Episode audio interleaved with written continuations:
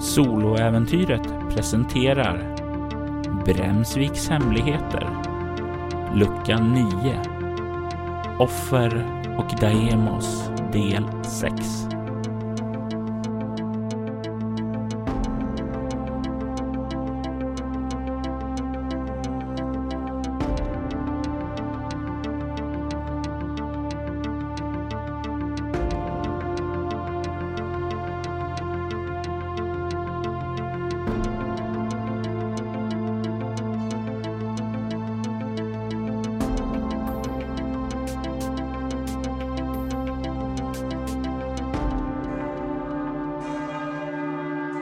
God could not be everywhere, and therefore he made mothers. Rudyard Kipling. San Sebastian 2006. I högtalaren ropade kaptenen ut att flygplanet snart skulle landa på Marquette Airport. Många brukade ha problem med att sova under flygresan, men inte Sasha. Hon hade aldrig haft det. För henne var det något rofyllt att befinna sig så högt ovanför det vardagliga livet. Här bortom molnen.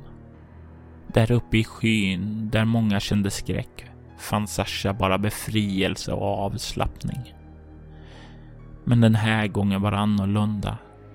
Sasha var här på grund av orden från den man som kallat sig för Lord Elam Price. Antagligen en av den namnlösa gudinnans kultister. Hon var tämligen säker på att det var ett fingerat namn, för i de efterforskningar hon hade gjort så hade hon inte funnit några bevis på att någon Lord Elan Bryce någonsin existerat. Hon kände en obestämbar klump i magtrakten som vittnade om att allt inte var som det skulle.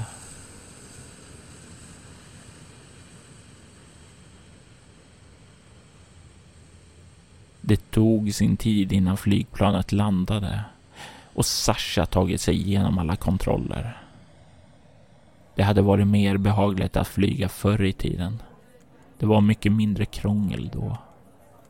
Hon visste dock att säkerhetsåtgärderna nu för tiden var nödvändiga. Egentligen var det bara bra att det fanns med tanke på den tragedi som hade inträffat. Men det slukade tid och tid var något som hon inte hade längre. Utan att riktigt se sig för skyndade Sasha mot utgången och sprang naturligtvis rakt in i en man. Kollisionen överraskade den båda och resulterade i att hon föll omkull med Sasha överst. Mannen stannade till under henne, vilket fick henne att snabbt resa sig upp och räcka honom handen till hjälp. Åh, ursäkta mig. Mannen såg upp mot henne och log svag innan han tog hennes hand. Ingen fara fröken. Sasha Mitchell. Det var inte förrän hon hjälpte mannen upp på fötter som hon verkligen såg hans ansikte. Han hade ett utseende som säkerligen gav honom problem i säkerhetskontrollerna. Det var ingen hemlighet att det som kom från Mellanöstern fick genomgå mycket hårdare säkerhetskontroller än personer som hon själv. Juda Aldahak. Du verkar ha bråttom. Ja, förlåt mig. Jag brukar vanligen se mig bättre för. Hon rodnade över sin egen klumpighet. Bor ni här i San Sebastian? Ja, men jag har ett möte i Rom som tar mig härifrån. Åh, Rom. En mycket vacker stad med en intressant historia. Är det ett affärsmöte eller av mer privat natur? Det förstnämnda, så det kommer inte bli mycket till sightseeing. Jag beklagar. Du får försöka njuta av staden ändå. Juda log och bugade lätt mot henne innan han fortsatte vidare mot incheckningen. Sasha var på väg att vända sig om då hon på andra sidan ankomsthallen såg ett välbekant ansikte. Lord Price. Han stod lutad mot sitt käpp och betraktade henne med kalla ögon. Sasha fick plötsligt svårt att andas, men men när hon öppnade ögonen, efter att ha blinkat till en gång, var han borta. Det var som om han aldrig hade varit där. Försiktigt började hon att andas igen. Hade det bara varit inbildning? Ibland var Sasha inte säker på om det hon såg verkligen fanns där. Jakten på Ritveria som börjat för nästan tio år sedan hade tärt på hennes sinne. Hon, hade hon bara haft tid skulle hon ha behövt en lång ledighet, men innan Ritveria var hejdad fanns inte tid till sådant. Sasha skakade av sig bilden av Lord Price och gick ut för att kalla på en taxi. Föga anade hon att hennes syn denna gången inte hade spelat henne ett spratt. I skydd av en grupp turister betraktade Lord Price henne noga. Med vetskapen om att hans spelpjäs var ett steg närmare den position han ville ha henne.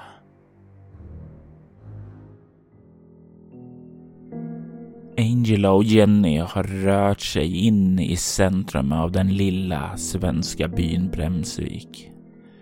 Ni står på Kullerstenstorget framför bygdegården och på trappan står Ivan Cooney, mannen ni fick höra talas om tidigare då ni vaknade upp här.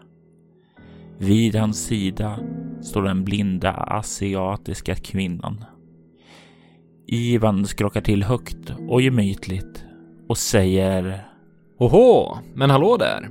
Min vän Hoshi här sa att vi haft besök här tidigare. Mitt namn är Ivan Cooney. Välkomna! Jag vet inte om gäst är ordvalet jag hade valt. Vi vaknade mer upp där inne. Hmm, jag känner det. Jag känner att ni är annorlunda. Sedan vänder han blicken mot Hoshi och säger Du kan kliva in till de andra så länge. Jag behöver prata ensamt med de här två personerna. Hon vänder sin blick mot dig, Angela, och du kan se hur den har smalnat. Hon gör sedan en gest där hon håller fingrarna mot ögonen och sedan för hon dem mot dig. Ungefär som hon säger I see you. Se så, gå in nu. Sedan kliver hon in i bygdegården. När ni blir ensamma sätter sig Ivan på trappen. Så, har ni kommit så långt att ni har listat ut vad som pågår här? Att du säljer demoncigaretter som dödar folk och att vi inte litar på Darcy. Att inte lita på Darcy. Det är en bra idé. Men eh, därefter blev det nog lite fel. Så här är det. Ni är inte här på riktigt. Ni drömmer just nu.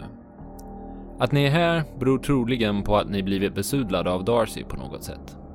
Troligen att ni antingen rökt hennes cigaretter eller fått i er röken någon gång relativt nyligen. Kan det stämma? Jag sneglar på Jenny först.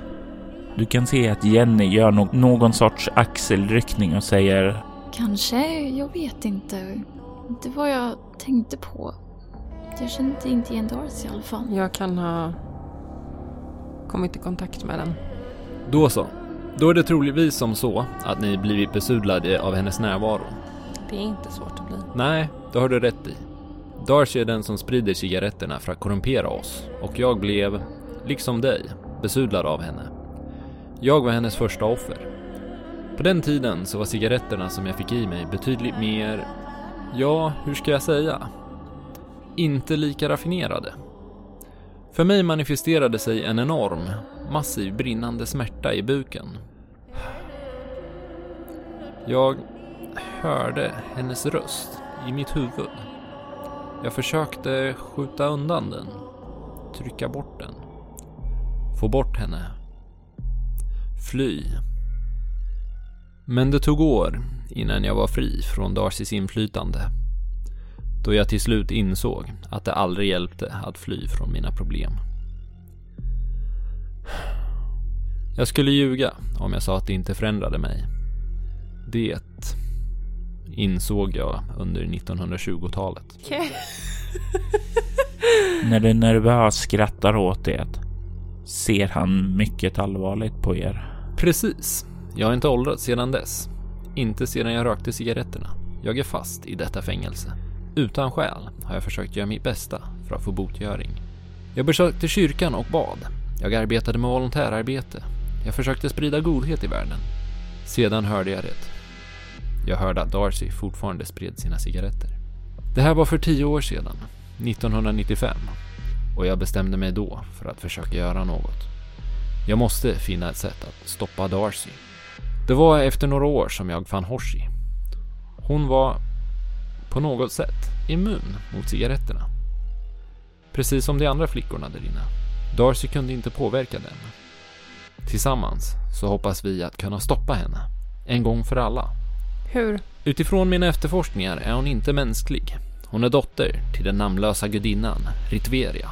Du kan se hur Jenny tar ett chockerat steg tillbaka och ser helt blek ut. Jag ställer mig lite mellan dem. Jag ser att ni är bekant med namnet sedan tidigare. Hur... Eh... Det här är så mycket att ta in. Jag förstår det. Så det är någon sorts...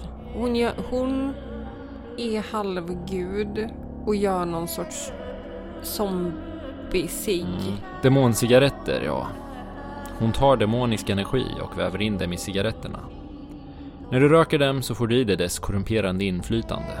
Betyder det att, att om man har fått i sig av en cigarettrök så, så har man en... så är man korrupt? Har du fått i dig cigarettrök så är det troligen något som går över rätt fort. Men om du rökt har det lämnat ett märke i dig. Jag sneglar över till Jenny. Röker du? Hon skakar på huvudet. Jag... Jag tror att vi måste hjälpa er. Vi kommer inte härifrån.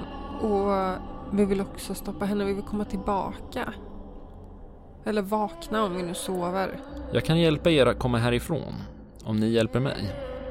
Jag känner hennes närvaro i trakten. Jag känner den norrut. Vi här i bygdegården är skyddade från att bli upptäckta av henne. Jag har gjort förberedelserna för det. Men jag skulle behöva er hjälp att locka henne hit till byn. In på Kullerstenstorget. Varför kan inte ni bara gå dit om hon inte kan upptäcka er? För att torget är en punkt där vi centrerar kraften. Den är starkare där och det är där vi kan binda henne. På den här platsen, i den här byn, så finns det spår av Darcys mor. Hennes mor har funnits här och har band till den här platsen. Kopplingen till Ritveria gör att det blir mycket enklare att fängsla henne här och börja arbeta på att frigöra alla själar som hon har korrumperat. Så vi ska locka hit henne. Har du några idéer på hur vi gör det? Det var länge sedan jag hade något att göra med Darcy. Men att spela ett oskyldigt offer, det brukar hon ju gilla. Sneglar över till Jenny. Vad har du kameleont? Fyra. Du kan se att eh, ända sedan Ritveria har kommit på tal har Jenny varit skakad. Halvt medveten om vad som har sagts därefter. Om hon tidigare var mer självsäker och medveten så är hon nu mer som ett litet rätt barn. Mm. Tror du att du fixar det här? Va? Fixa då? Fixar att uh, locka hit Darcy? Okej. Okej. Okej. Jag behöver bara gå en stund och, och andas lite. Det kommer bli okej. Det kommer, det kommer bli bra. Det kommer gå jävligt bra. Okej. Kan vi få lite tid? Jag tittar på Even. Ivan nickar och reser sig upp. Absolut. Ta den tid ni behöver. Jag ehm, går till Jenny lite och... Ja, jag har inte så mycket att säga men jag tänker att jag kan vara i närheten av henne så hon känner sig uppmärksammad. Du kan få slå ett utstrålning plus kameleont när du finns där vid hennes sida. Du kan få plus ett då ni vid det här laget har etablerat en eh, ganska stabil relation. Då blir det tio.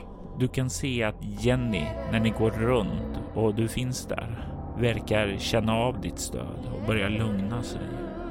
Hon kollar på dig. Hon- är alltså Ritverias dotter. Alltså, jag... Jag vet inte, jag känner mig inte riktigt bekväm med det här. Det... Ska hon vara dotter till Ritveria som jagar mig? Är det gudinna som jagar mig? Jag, jag förstår inte heller och jag, jag vet inte varför de jagar dig heller. Men vi måste få hit henne och om du känner att du inte vill gå nära för jag förstår om det inte känns tryggt då, då kan jag gå. Jag kan gå själv. Men jag vill inte lämna dig i sticket. Du, du är min enda vän. Okej, det är ingen fara. Det är ingen fara. Vi, ehm, vi måste bara smälta det här lite. Eller hur? Jag vet inte, det... det är så... Jag kanske... Jag kanske borde sätta mig här. Det, det kanske... Det kanske är bättre om du går själv. Jag, Mm. Är du säker på att du är okej med det? Jag vill inte svika dig. Nej, det gör du inte. Det är bättre att du är här och är säker och jag... ehm, jag löser det. Du ser till att Jenny sätter sig ned. Är det någon särskild plats du vill att hon sätter sig? Jag tänker, för Ivan gick in igen va? Mm. Ja, men jag tänker trappen. För då är det så här, inget skulle kunna hända henne utan att de märker det där inne. Och hon kan gå in om hon vill, men hon är inte där inne hos dem hela tiden. Så trappen är jättebra. Du vandrar bort ifrån henne. Men var beger du dig? Jag vill faktiskt in en sväng bara till eh, folket där inne. Mm. Eh, därför att jag vill ehm, se om de har något bättre jag kan skydda mig med än en liten kniv. Också för att kökskniv är odiskret och går runt och håller i handen. Mm. Du kommer in och kan se hur Jussi står och talar med Hoshi. Medan den oskuldsfulla brunetten står och talar med Caroline. Längre bort i ett hörn står den europeiska kvinnan ensam och verkar observera de andra i rummet. Du kan se hur Ivan står lutad mot dörren där du kommer in. Jag behöver att ni vaktar henne och ser till att inget händer henne. Vi riskerar väldigt mycket nu baserat på dina ord. Och jag hoppas bara att det är som ni har sagt. Och om det inte är så, så ja, då är ni hemska. När du säger det så vänder han sig om, kollar rätt in i dina ögon. Samtidigt som han lägger handen på din axel och säger att han förstår och att han lovar att inte svika det förtroende du har givit honom. Tack. Jag behöver be om en sak till. Jag vet att ni redan ger oss mycket. Finns det någonting jag kan ha för min säkerhet? Just nu har jag bara den här. Jag håller upp kniven, inte hotfullt utan verkligen så här menlöst typ. Vad är det här? Ivan nickar och gör en gest åt Jussi. Och du kan se hur hon kliver fram till dig samtidigt som hon sticker handen i byxlinningen och drar upp en stilett. Alltså en kniv där du kan trycka ut knivblad med en enkel knapptryckning. Och sen åker den in då hon trycker in den. Sedan flippar hon den i en ganska nonchalant gest. Som om hon visar för dig att hon vet exakt hur hon ska använda den. Och sträcker sedan fram handtaget mot dig. Jag nickar och tar emot den. Stoppar den i fickan. Tack. Hon nickar. Du skrämde min vän lite förut. Alltså, jag visste inte om jag kunde lita på er. Ni kunde lika gärna ha arbetat med Darcy. Men om Evan säger att ni är schyssta så, ja, ni är väl schyssta då. Jag uppskattar det. Var snäll mot henne om hon kommer in. Absolut. Jag lovar att behandla henne som min syster. Om jag hade haft en syster såklart. Tack. Du kan se den oskuldsfulla brunhåriga kvinnan komma fram till dig. Hej, jag är Moira. Jag kan se till att er vän känner sig trygg. Jag uppskattar det. Var är hon? Ute på trappen bara. Okej, då går jag ut och säger hej till henne. Tack. Och sedan börjar Moira gå ut. Då, eh, då går jag då. Jag klappar lite på fickan och går mot dörren. Du kan se hur Ivan vänder sig mot dig. Nickar som om han litar på dig. Och hoppas att allt går din väg. Du kommer ut och ser hur Moira satt sig ned på trappan bredvid Jenny och lagt handen över hennes axel och verkar tala förtroligt med henne. Jag vill gå fram till Jenny en sista gång innan jag går. Ehm, jag går fram. Jag sätter mig ner vid henne. Jag vill att du ska veta en sak. Jenny kollar upp mot dig. Jag heter Rain. Angela är ett namn min mamma valde åt mig när vi skulle ligga lågt. Jag vill att om vi ses efter det här så kan du använda mitt riktiga namn. Hon kollar på dig och säger Ja, eh, jag heter Jenny Dudanan nu. Men det, det är inte mitt riktiga namn egentligen. Jag har haft så många namn. Eh, Men jag vet inte riktigt vad som är mitt riktiga namn. Det, jag tror att jag var sju år när jag flyttade från stugan med den hemska mannen. Han kallade mig för Trish. Men jag vet inte ens om det var mitt riktiga namn. Föredrar du Trish eller Jenny? Jenny. Jenny var det namn som jag valde själv och inte det namn som han gav mig. Då tycker jag att du fortsätter kalla dig för Jenny. Jenny reser sig upp och ger dig en kram. Jag kramar henne tillbaka. Och det blir en känsla där. En känsla av stöd och trygghet. Och ni får båda får tillbaka en skräcknivå. Ah, fint! Men det är inte det enda ni får tillbaka. Ni får även tillbaka en bestående förlust i utstrålning. Wow. Vänskap är bra. Eh, och med de eh, fina orden så eh, vänder jag mig om och eh, lämnar bygdegården. Du vandrar ut ur byn, bort mot kyrkan. Jag börjar närma sig midnatt då du kommer fram dit. Du ser hur dimman slingrar sig fram längs marken. Hur det har börjat mörkna. Det är inte kolsvart utan det är det här skymningsmörkret nu. Du anar ljus inifrån kyrkan. Från de öppna kyrkportarna. Jag vill smyga lite närmre. Så att jag kanske kan... Står det folk utanför kyrkan eller är det liksom... Känns som att alla är inne i salen? Ja, det finns ingen utomhus och de är nog där inne. Då vill jag lite gå fram i skuggorna. Liksom.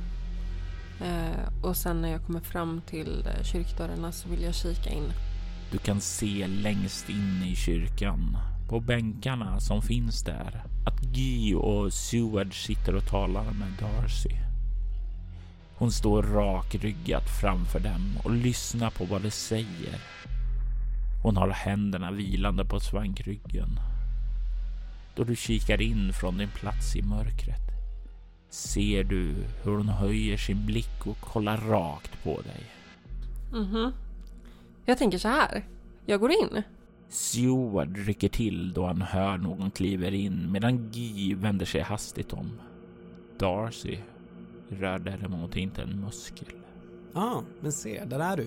och lyser upp då han ser dig. Seward reser sig upp och börjar gå fram mot dig. Vad roligt att se dig igen. Ja, jag hade en plan, men den kommer inte funka nu. um, jag får väl ta hans eh, kram helt enkelt. Det är väl bara att göra.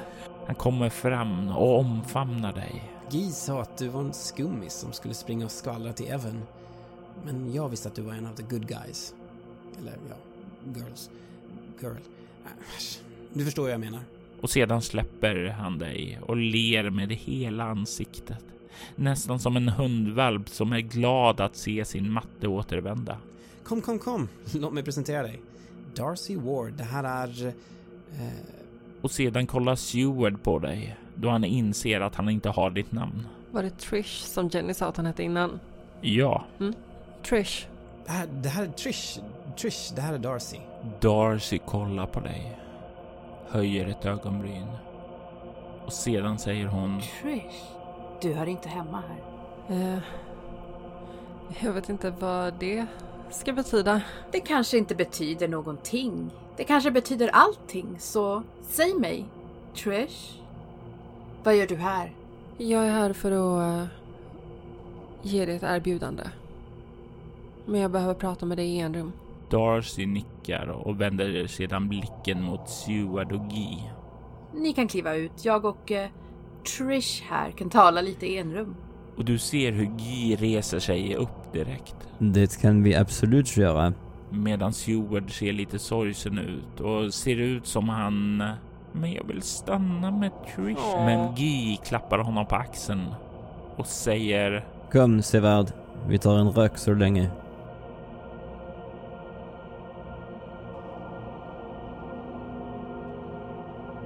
Jag vet vad du är. Och vad är jag? Trish? Någon sorts halvgud. Ja, jag är definitivt någonting halvt... Eh, en umra. Och då hon uttalar ett ord, ett ord som är på ett främmande språk som du inte förstår. Jag vill att du slår ett rutinmässigt slag med ego plus lingvistik. Åtta. Du hör ordet eka i ditt inre. En numra. Men det säger dig ingenting. Det låter inte alls bekant för dig. En umra. Det är vad jag är. Jag har hört om dig. Och jag har förstått att det bästa för att inte hamna i din onåd är att stryka dig medhårs så att säga. Så jag har ett erbjudande. Hon kollar på dig intensivt och väntar på ditt erbjudande. Det finns en flicka som din mor har försökt få tag på i många år.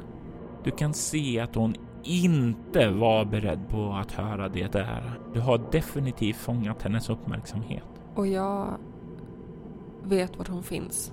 Jag har bett henne att vänta på mig. Här i byn. Och jag vill ta dig till henne. Hon nickar. I utbyte jag bli skickad tillbaka där jag kom ifrån. Där du skickade mig ifrån. Det kan åtgärdas. Var finns hon? När du ger mig platsen så väcker jag dig. Jag visar dig dit. Men jag vill att det bara är du och jag som går dit. Det är acceptabelt. Min mor har förlorat sin väg och eh, om vi kan få henne på rätt väg kanske vi kan bota hennes galenskap. Darcy rör sig ut ur kyrkan och stannar till utanför vid Guy och Seward. Hon kollar på dem och säger Jag har talat med eh, Trish och vi har kommit överens om att ni ska stanna här. Men, men, men, vi kan hjälpa till. Seward kollar på dig med en blick som säger Men jag kan det, jag svär! Men Guy lägger handen på hans axel. Nu blir du sådär på igen. Ta det coolt, Sevard. Ja, ja, ja, okej. Ja, vi väntar väl här då. Du ser hur Darcy nickar och börjar gå vidare. Medan Seward kliver fram till dig och kollar dig i ögonen och säger Lycka till. Jag hoppas att vi kan prata mer med varandra sedan. Du verkar så härlig. Du kan se hur han rodnar lite innan han sedan kliver åt sidan och låter dig följa efter Darcy. Jag gör en svag tummen upp. Du följer Darcy genom skogen. Det har mörknat ännu mer under tiden du har spenderat i kyrkan. Men du tycker dig se något märkligt. Men det kanske är bara dina ögon som lurar dig.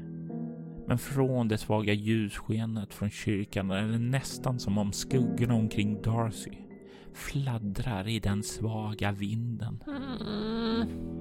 Du går ensam med Darcy genom den nu ganska resliga, mörka och hotfulla skogen. Jag vill att du slår ett omskakande kroppsskräckslag. Det är åtta. Du kan trycka tillbaka rädslan just nu.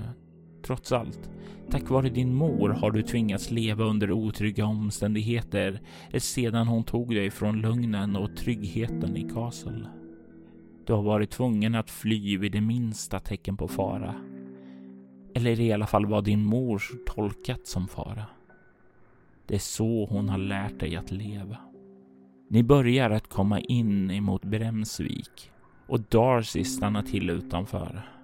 Hon vänder sin blick mot dig och kollar rätt in i dina ögon. Nå? Vart ska vi? Ditåt. Jag leder vägen mot gården. Hon går steget bakom dig och du känner hur hennes kalla skugga kastas mot din ryggtavla. Och det går en kall kår upp längs din ryggrad. Vart leder du henne? Jag leder henne till eh, avtalad plats med Even. Så till eh, kullerstenen på gården. Du kliver fram mot bygdegården och kan snart passera mellan de närliggande husen och se ut mot Kullerstenstorget. Det är mörkt och nedsläckt i bygdegården. Allt verkar övergivet. Kliver du ut på Kullerstenstorget? Jag kliver ut. Ingenting verkar hända. I alla fall inte för dig. Men i samma ögonblick som Darcy tar sina första steg ut där så kan du höra hennes plågade skrik. De sluta? Du hör dem då hon faller ned på knäna och vrålar som hon badade i syra samtidigt som någon drog ut hennes naglarna från fingrarna och gröpte ur hennes ögon ur ögonhålorna. Jag vill att du slår ett chockartat skräckslag med kropp om du känner att du är rädd för vad som än drabbar Darcy kan drabba dig. Eller, eller utstrålning om det är bara hennes fasansfulla plågade skrik som sänder en kall kår längs din ryggrad. Då kör vi utstrålning för eh, Even sa ju att det här skulle hända när vi kom hit. Mm. Det är tio. Du var trots allt förberedd på det här och får därför inga skräcknivåer.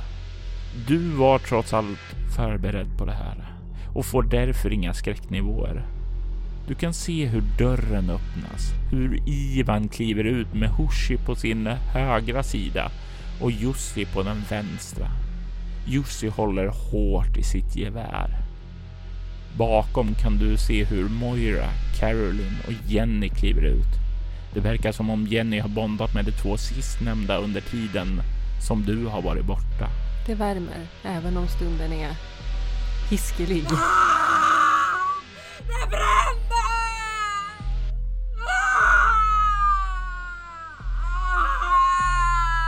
Du kan inte se den europeiska kvinnan bland dem.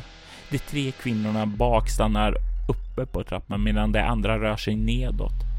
Ivan ler nöjt och han ser hur hans fälla har slagit igen kring Darcy. Han ser mot dig och nickar. Tack Angela för din hjälp. Du är fri att gå med din vän. Jag hoppas att priset du bad om ger dig allt du drömt om. Du ser hur Jenny kollar förskräckt på Darcy som skriker men samtidigt är hon fortfarande skakad av hela grejen med Ritveria. Du kan se att hon är skrämd, så då hon ser dig lämnar hon dig andra sida och rusar bort till dig. Jag tar bara hennes hand och sen vill jag springa därifrån. Hjälp mig! När ni börjar springa därifrån hör du plötsligt ett skratt. Ett galet, maniskt kacklande skratt.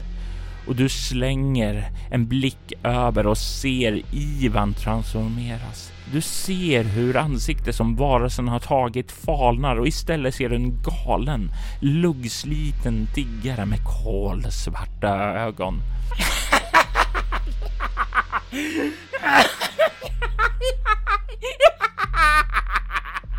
Nej. Du fortsätter att springa. Ja, Jenny har inga problem att följa efter dig, utan ni rusar. Var är ni på väg? eh, det- vägbeskrivningen han gav mig. Vi ska norrut så långt det går och sen ska vi springa vänster upp mot ett berg och sen ska vi följa en grusväg och sen upp till en stuga. Ni följer vägbeskrivningen. Dimman ligger tät omkring er, både längs vägen och ute i skogen, men så länge ni följer den vägbeskrivning som Ivan gav er verkar dimman aldrig bli så tät som den blev då ni försökte röra er bort ifrån Bremsvik tidigare. Du kommer fram till den vägen som viker av och ni börjar röra er upp för den. Språngmarschen tär på er. Ni får en bestående förlust i kropp när ni springer och springer mot ert mål. Tung andhämtning. Till slut kommer ni upp emot en gammal timmerstuga uppe på bergstoppen. Vid sidan finns ett öppet garage som en bil kan köras in i, men som är tom just nu. Huset ser övergivet ut. Det gör inte oss någonting utan eh, vi måste upp och försöka öppna dörren. Ni kommer fram till dörren och Jenny kollar upp mot dig och säger Okej, okej, okej. Vad va, va, var är vi? Vad gör vi här? Vi ska hem, vi ska hem, vi ska hem. Jag rycker i dörren. Du rycker till och känner hur dörren glider upp. Du ser in i en övergiven gammal stuga. Möbler är täckta av dukar, ungefär som om någon packade ihop allt innan denne begett sig av.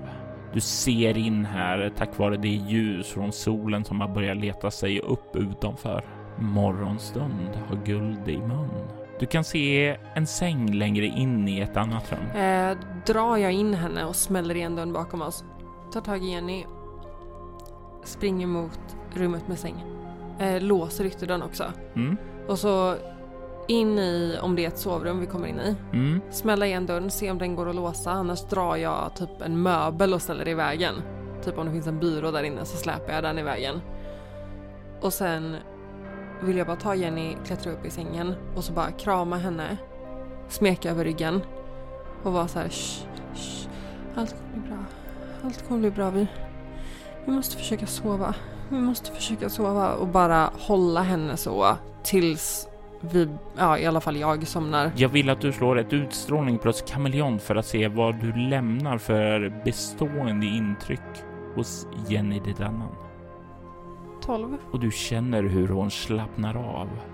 Och plötsligt känner du hur din arm faller ned på sängen. Hon är försvunnen. Borta. Du känner hur du sakta glider in i sömnen. I den rofyllda slummen. Ljuset som dränker omgivningen omkring dig, Florence, falnar. Och du öppnar ögonen, blinkar till. Du sitter i soffan framför tvn på bed and breakfastet. Du ser hur Rain har somnat i din famn. Du befinner dig inte längre i Bremsvik. Det är som om du vaknar upp ifrån en dröm. Men i, istället för att den liksom glider undan så eh, minns du detaljerna där. Men den starkaste mardrömmarna du minns därifrån. Din dotters döda kropp.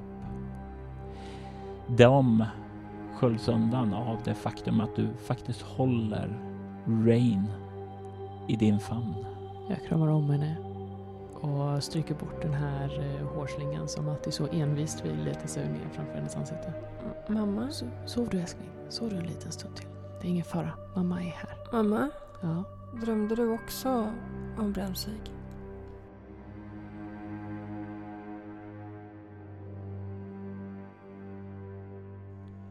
San Sebastian 2006.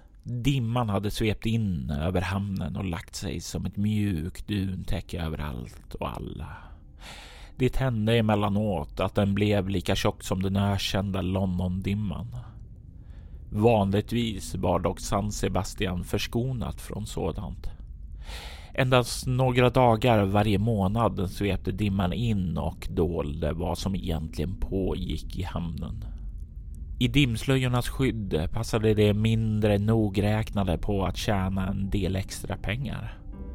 För dem som saknade moral fanns det gott om arbete i Port Cameron. Längs hamnens sämre upplysta gator vandrade Ritveria. Fortfarande med minnena om vad som nyss skett. Hon hade inte brytt sig om att gräva djupt i Connors sinne utan hade endast skumma på ytan när hon lagt märke till honom uppe på taket. I vanliga fall skulle Ritveria helt enkelt ha ignorerat honom. Men ett ord hade fastnat i hennes sinne. Fate. Det hade förmågan att blanda sig i saker det inte hade med att göra. Inte för att hon såg något fel i deras mål, men det hade hänt mer än en gång att det hade förstört hennes planer på ett eller annat sätt. Hon mindes fortfarande händelserna i Bremsvik. Var det någonting hon inte kunde kosta på sig så var det att det än en gång blandade sig i hennes affärer. Hon hoppades bara att Connor skulle känna sig skrämd nog av henne för att inte fortsätta lägga näsan i blöt.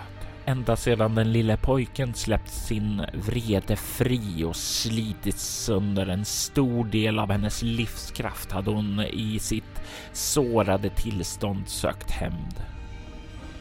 Inte förrän för ett par månader sedan då hon besökte San Sebastian i ett annat ärende hade av en ren slump minnena av hennes tidigare planer gjort sig påminda.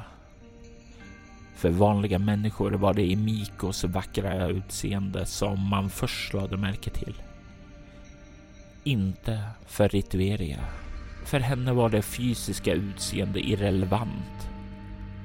Istället hade det varit den starkt brinnande själen som fångade hennes uppmärksamhet.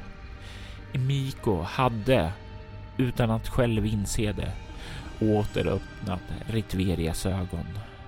Där Emiko själv inte mindes sitt förflutna visste Ritveria allt om det. Hon visste vad Emikos öde var och det fick henne att minnas sin egen roll. Den som involverade Miko och hennes uråldriga fiende. Ljudet av mistlurar kunde höras genom dimman. Det skar genom sålet från människor som frenetiskt arbetade med diverse ljusskygga aktiviteter. Det var dock inte det som väckte henne ur tankarna, utan det var de nästintill ljudlösa fotstegen. Genom dimman skymtar hon en spenslig gestalt som vandrar fram emot henne. Takten var inte alltför rask då mannen verkade stödja sig på en käpp. När Ritveria kunde se honom närmare påmindes hon om en era innan den lille pojken.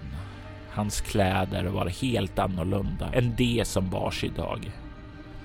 Men trots det sköra utseendet såg hon förbi ytan och såg mannen för vad han egentligen var.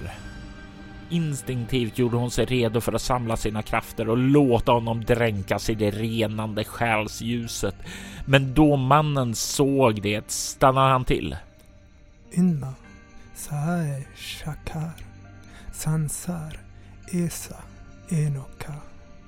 Samtidigt som mannen talade gestikulerade han med sin fria hand och skiftade ständigt sin hållning.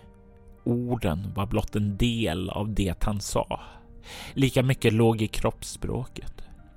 Han talade på Ritiverias tungomål och även om han bröt kraftigt förstod han honom utan problem.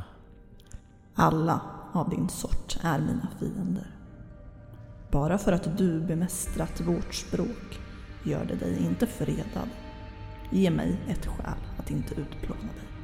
Det har kommit till min um, kännedom att ni söker um, reliken som enligt de gamla myterna sägs kunna väcka kärleken till liv igen. Emelies klinga. Klingan ni kräver för att kunna rena rosen från dess mörker och få den att blomstra. Ritveria stirrade klentroget på mannen. Han kände till klingan och hennes agenda. Det bådade inte gott om hennes fiender hade klingan. Nämn ditt pris, Shakar. Åh, jag är ingen Shakar. Men eh, ni har ansenlig lycka, ty ert och mitt mål är detsamma. Blott en sak kräver jag utav er. En ed. En ed lagd i er Umras namn att skona mitt liv såväl som den herre som har reliken i sin ägo. Hör jag er svära eden ska ni få vad ni eftertraktar.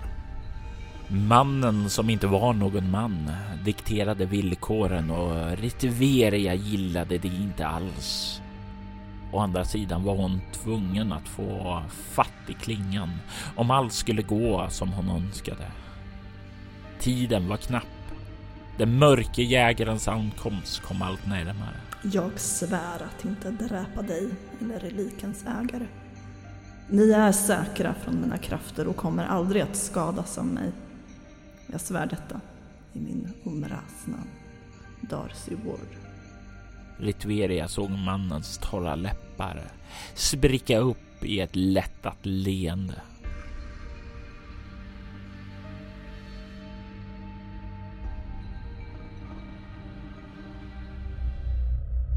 Offer och Daemos skrevs av Robert Jonsson till rollspelet Bortom och han stod även för redigering och ljudläggning av avsnittet.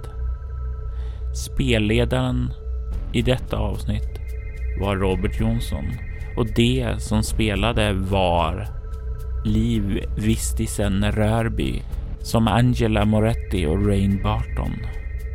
Övriga roller i detta avsnitt var